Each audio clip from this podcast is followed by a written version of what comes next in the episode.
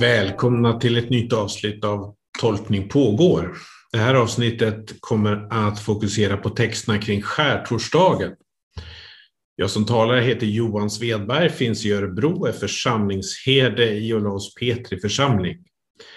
Jag har idag samtals, samtalet med Göran Salberg. Välkommen! Tack så mycket! Göran, du och jag delar församling. Du finns här i Olaus Petri församling.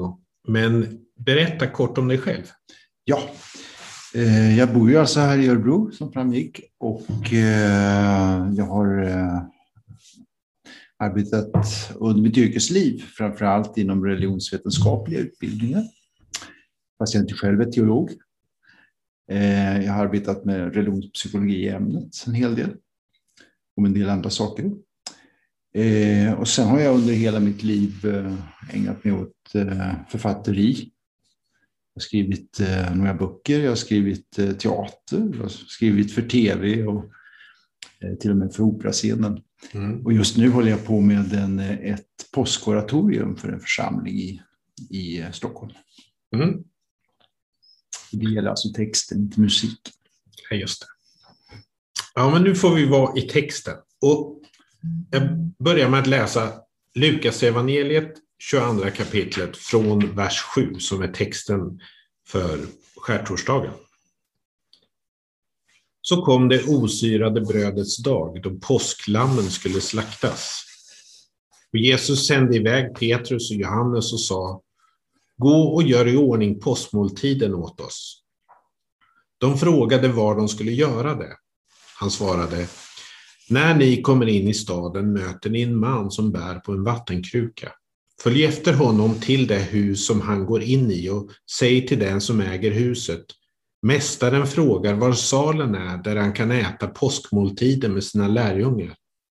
Då visar han er till ett stort rum i övervåningen som står färdigt.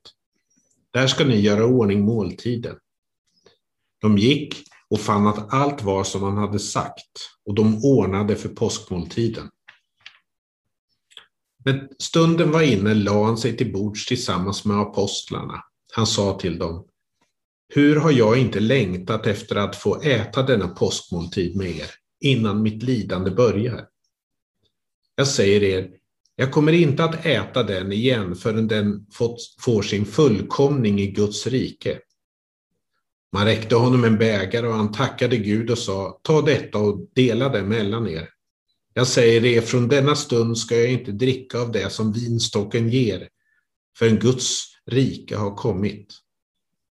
Sedan tog han ett bröd, tackade Gud, bröt det och gav åt dem och sa, detta är min kropp som blir offrad för er. Gör detta till minne av mig. Efter måltiden tog han på samma sätt bägaren och sa, denna bägare är det nya förbundet genom mitt blod som blir utgjutet för er. Dock den som förråder mig har sin hand här på bordet tillsammans med mig. Människosonen går den väg som är bestämd, men ved den människa genom vilken han blir förrådd. Då började de fråga varandra vem av dem det var som skulle göra detta. Ja, Göran, vad tänker du när du hör den här texten ur Lukas? Jag tänker i första hand på de eh, förutsatta omständigheterna kring den här texten. Eh, som ju på ett kusligt sätt knyter an till vår egen samtid. Ett imperium som har ockuperat ett, ett annat land eh, och gör anspråk på dess folk och kultur. Ehm, vi lever ju just i dagarna med med, med den verkligheten. Vi betraktar den hur, hur en stormakt ockuperar ett land eh, och vad det gör med eh, mot, känslan av motstånd och underkastelse och så. Ehm,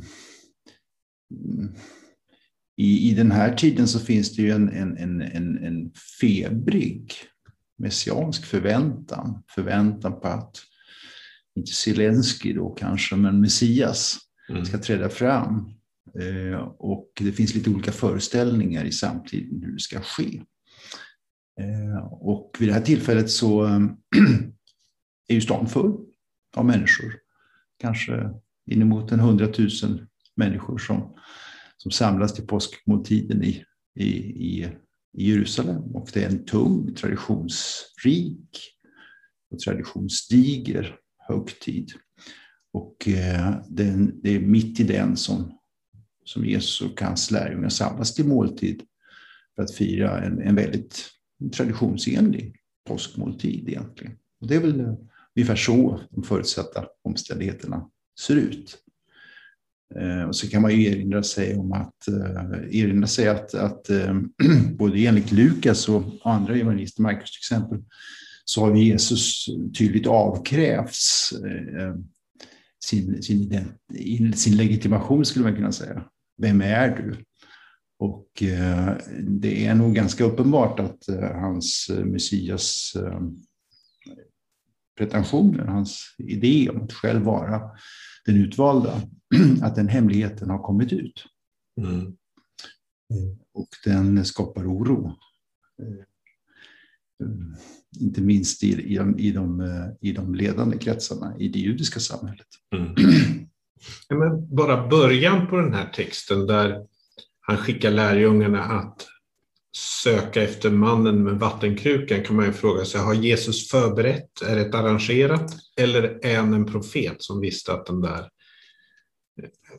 hans, hans makt framkommer redan i första verserna. Ja, det är klart, ska man boka någonting en sån här, en sån här väldigt eh, busy helg, då får man nog vara ute i, i tid och ha kontakter. Och det verkar som Jesus har det. Ja.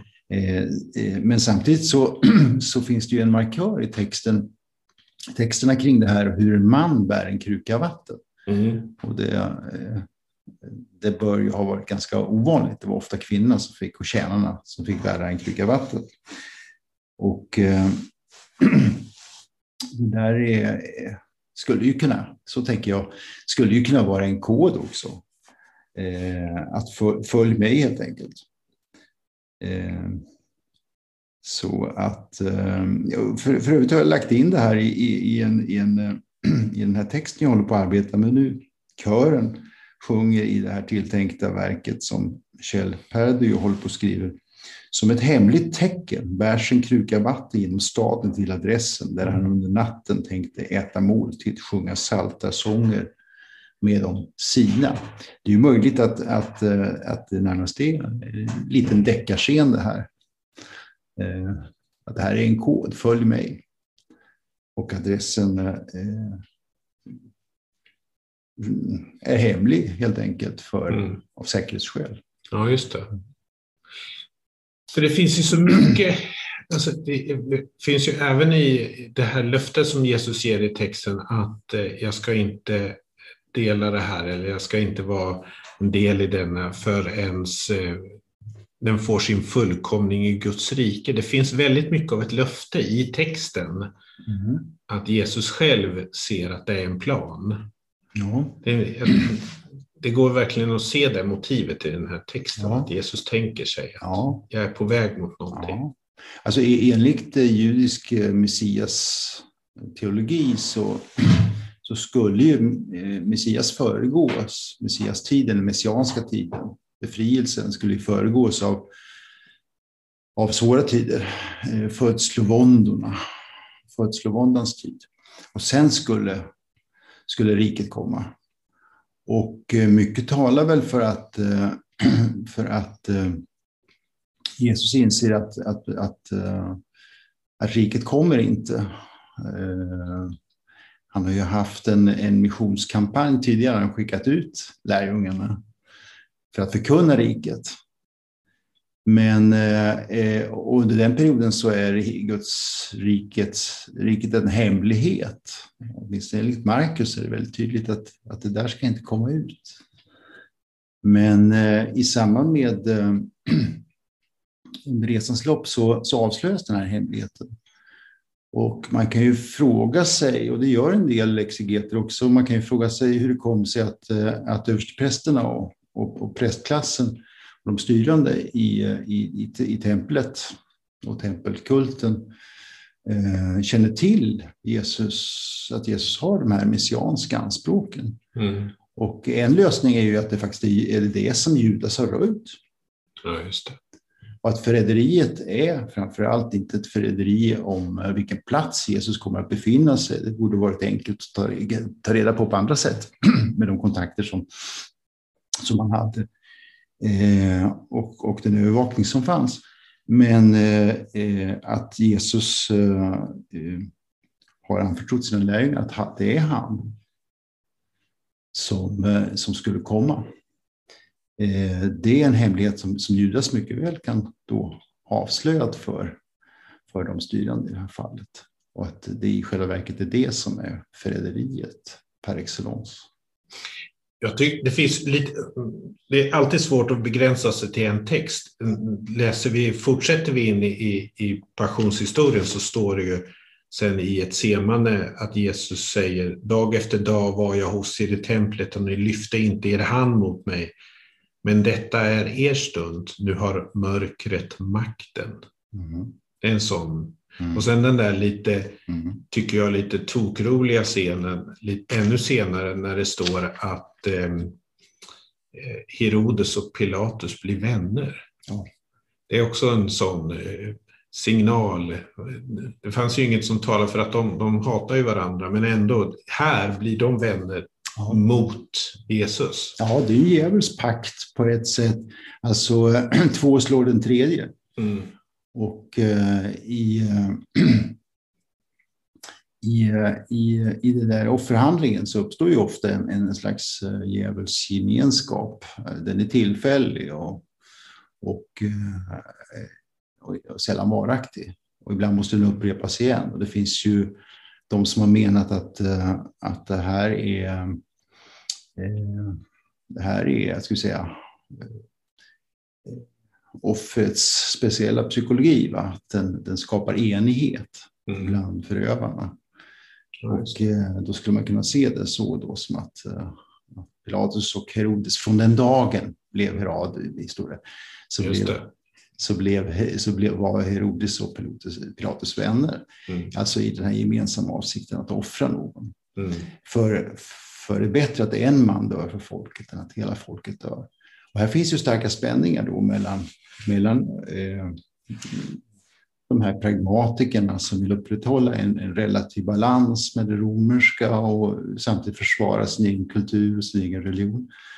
Å ena sidan så fanns det ett, eh, människor som, som, som, hade, eh, som Jesus hade vunnit för sin sak och som kände sympati för honom. Och han bars ju upp alltså av, av eh, folkliga sympatier vid, det här, vid den här mm. tiden. Eh, och det är därför som man inte kan gripa honom på tempelplatsen, framgår av synoptikerna. Ja, just det. Ja, men han är en bärare av hoppet. Han, han bär på någonting som, som eh, är så svårt att tro på så att ja, han, han blir förlöjligad. Eller, mm. det, det, vi vet, det är bättre att ha det vi vet, känner till än att satsa på det man inte känner till. Mm. Ja. Mm. Sen är det klart att, att äh, över den här texten vilar ju äh, kyrkans senare tradition, alltså tanken på nattvarden i den, äh, i den mening som vi firar den idag. Så där. Men man får väl tänka sig att, att Jesus äh, ser den här måltiden som han, han spelar ju på, på nästa måltid som ska firas i Guds rike. Mm. Att det är den så säga, messianska måltiden då, mm. snarare än den kristna nattvarden. Mm. Om man får uttrycka det lite mm. burdust. Mm. För att det finns ju en traditionsöverlagring sen. Eh, hur man hanterar det här motivet i den kristna gemenskapen och vilken betydelse det får rituellt i, eh, i, i den kristna församlingen. och så här. Och då handlar det, inte, då handlar det om, ett, om en om en, om en större eskatologi, en större horisont än mm. det messianska riket som, som nog människor i allmänhet tänkte sig eh, stod eh, eh, som var i antågande helt enkelt. Ja. Och, och, som man nästan hade, hade, hade fingret eller handen på. Mm. Eh, och det där berör ju också en annan sak i texten som jag tycker är intressant, eh, som ligger outtalat där. Eh, alltså det fanns ju krafter som menar att man, man genom att skapa en, eh, en eh, militant situation eh, skulle kunna tvinga himlens makter att ingripa och, och välta det romerska dominansen över ända och så skulle, så skulle riket komma. Alltså en ganska en föreställning som, som liknar kanske jihad, mm. någonting i den stilen. Mm. Eh, och det verkar ju troligt att, om man menat att Jesus hade i sin krets av lärjungar också den, eh, den, här, den här företrädaren för den här mer militanta idén. Och eh, man kan ju bara spekulera, men det är möjligt att Judas också tänker att eh, är sympatiskt inställd till den här allt eller inget filosofin. Det, ta, det talas om svärd som jag inte riktigt har hunnit fördjupa mig också där, att, att lärjungarna och i Getsemane-berättelsen så tas det till svärd också medan Jesus läker örat på, på, lärjung, på den tjänaren som får sitt öra avslaget och sådär. Så det finns ju en typ av vålds, en våld, ett våldsinslag även ja. här hos Lukas. Ja. Ja, och, och, det här var ju en, det här var ju en, en, en vad ska man säga, en, ett favoritscenario i de här krets, militanta kretsarna. Mm. Att eh, kanske en liten, eh, visserligen beväpnad men ändå under eh, en modig och dristig skara skulle kunna på något sätt tvinga fram eh, den större, det större ingripandet mm. av mer eskatologiskt slag. Då. Mm. Och Jesus säger ju även till synoptikerna, tror du inte, stick ditt svärd i skidan. Eh, och, och, eh, och, och, där sägs ju också att, eh, i sammanhanget att, att tror du inte att jag skulle kunna kalla till mig mer än 12 legioner, mm. eller 12, kommer du ihåg? Jag kommer inte ihåg antalet. 12 regioner änglar. Va? Ja. Eh, vad kan det bli? 70 000 beväpnade änglar. Det är ju inga, inga dåliga grejer. Nej. Nej. Ehm, eh, och så skulle en, en, en, en, en, en liten eh, operation kunna ska säga, eh, eskalera till ett, ett avgörande slag. Mm. Ehm, mm. Det, det, är nog en av de föreställningar som rör sig i samtiden och som Jesus alltså avvisar helt enkelt i ett semane. För idén om att Messias måste, måste först lida. Mm. Just det, det, det, vi hela tiden kretsar kring det, den bilden. Vad är det som är, vad är, som är på an, i antågande? Mm. Eh, det finns ett, ett löfte som Jesus håller fast vid, att Messias ska lida. Det är den berättelsen ja. som han ställer i centrum. Och, ska... och han ska också räknas till ogärningsmännen. Mm. Och, och, och, det sätter Jesus i samband med det här svärdet som, som ska finnas på något sätt närvarande i det här sammanhanget. Vi ska vara kvar i Lukas, men episteltexten denna söndag, jag tillhör ju de som inte försöker hoppa så mycket mellan texterna, men mm. episteltexten är hämtad från första Korintierbrevets femte kapitel. Eh, jag tycker ju om första Korintierbrevet där eh, dårskapet hela tiden lyfts fram. Ja. Och när, för det, när, när vi, I det här samtalet så blir ju, så är kontrasterna ganska hårda. Men att hålla fast vid hoppet kring den lidande Kristus mm. är ju ett dårskap. Alltså det är ju verkligen ja. märkligt att tro på det. Att det är vägen framåt. Ja, att verkligen att bli den minste eller att, att, att bli en tjänare eller att ta på sig Ja, tjänarmotivet finns ju där hos Jesus. Eh, det finns ju i, i, i, i, i den översteprättsliga förbönen och i, i nära anslutning i alla fall till den. Så tanken om att, eh, att eh, jag är allas tjänare. Mm. Och det är ju en, en Messias föreställning som finns där. Mm. Ganska likt det som man senare skilde på, alltså två Kristus-tolkningar Kristus som konung och Kristus som tjänare. Mm.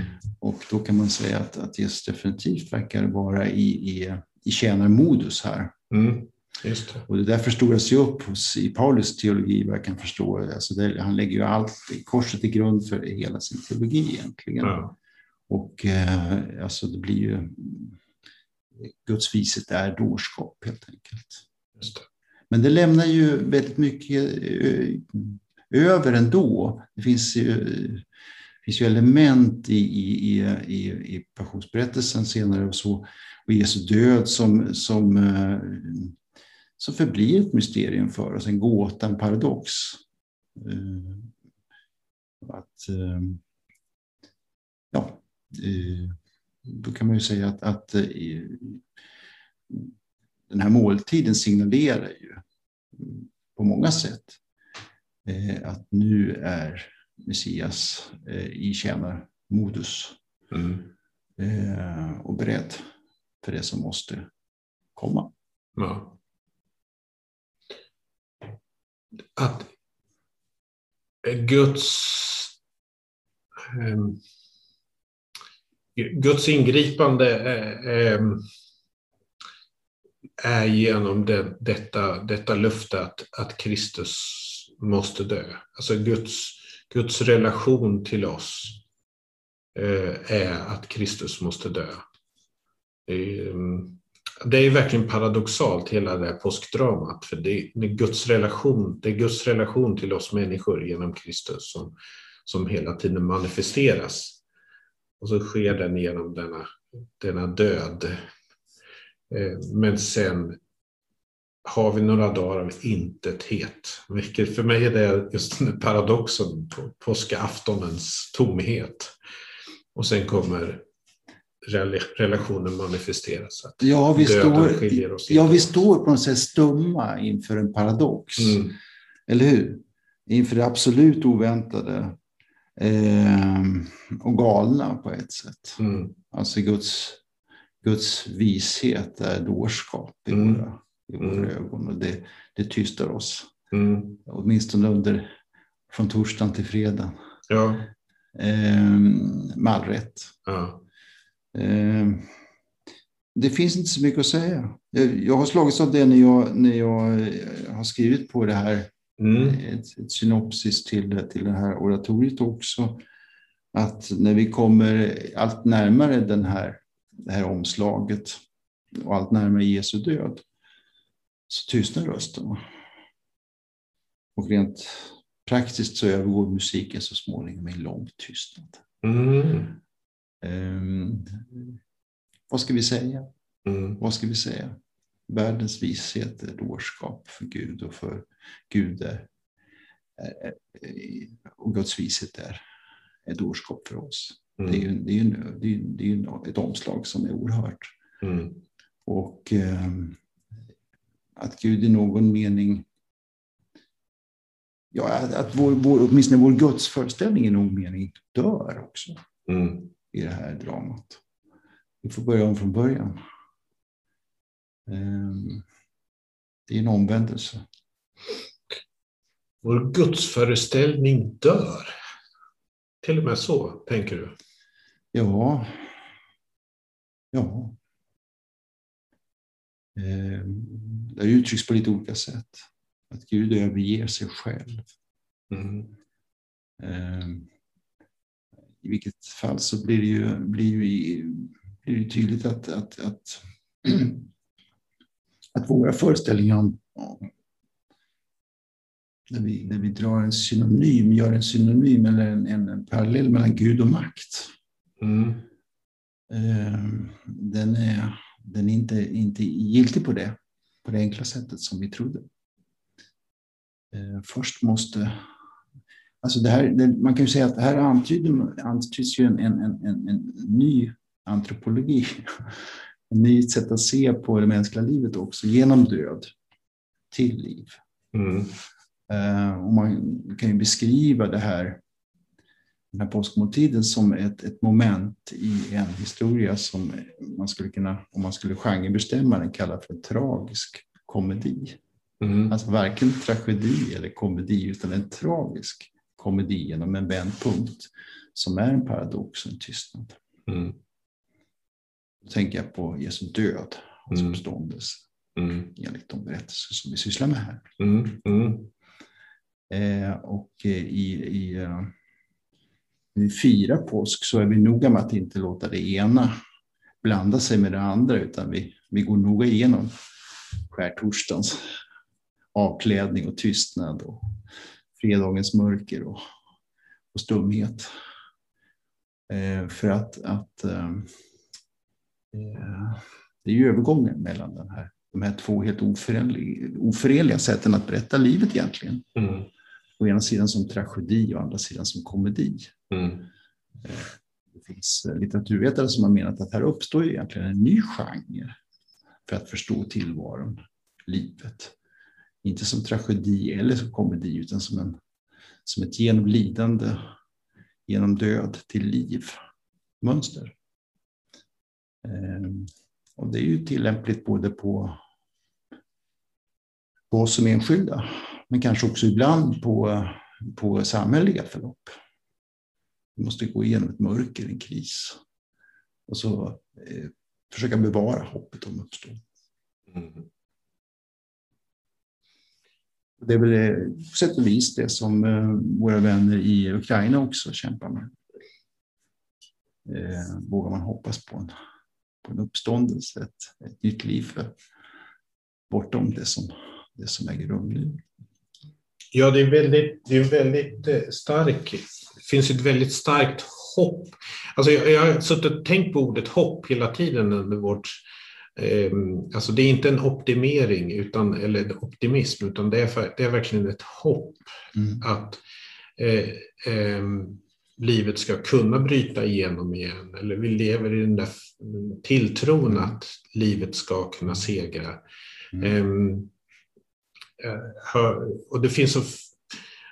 Ehm, jag hörde så sent som i morse någon nyhetssändning, den kanske var gammal, men i alla fall från någon av de här ukrainska städerna, när man nu använder de här lilleputtetåget som gick genom någon av städerna, den, man ägnar, de, som, de, de som är flykt, på flykt i landet, de får åka runt i den här fredliga staden och lära sig om stadens historia. Så man, mm. man fortsätter, man håller berättelsen vid liv, man ja. har inte gett upp. Utan så hoppfullt. Hopp, det är hoppfullt, ja precis. Och artister står i gathörnen och sjunger. Ja. Och jag tycker också kanske att det, det, är viktigt att framhålla att enligt den kristna tron så är ju, så är ju, så är Jesus 100% människa. Mm. Han är alltså inte, som man ibland har tillskrivit honom, allvetande vid varje punkt i evangelieberättelsen. Liksom. Att han skulle ha eh, vetat eh, någonting säkert om sin uppståndelse. Mm. Eller eh, Eh, ha en, en slags, ehm, ett slags facit. Utan han kastar sig också ut i, i hoppet mm. om uppståndelse. Mm.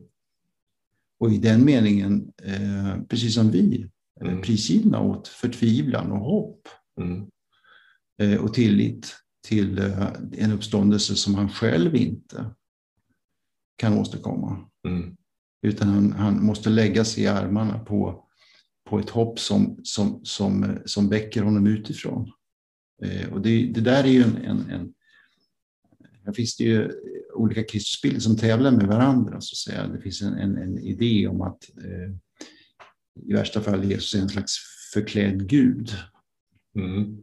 Eh, han är egentligen inte han är låtsasmänniska. Mm, mm. Och, och i, i, en variant så kan man säga att, att det bara är finns också ett förakt för, för, för, för yttre, att Jesus äh, går att dö bara till det yttre. Mm. Och inte som en totalitet som vi andra.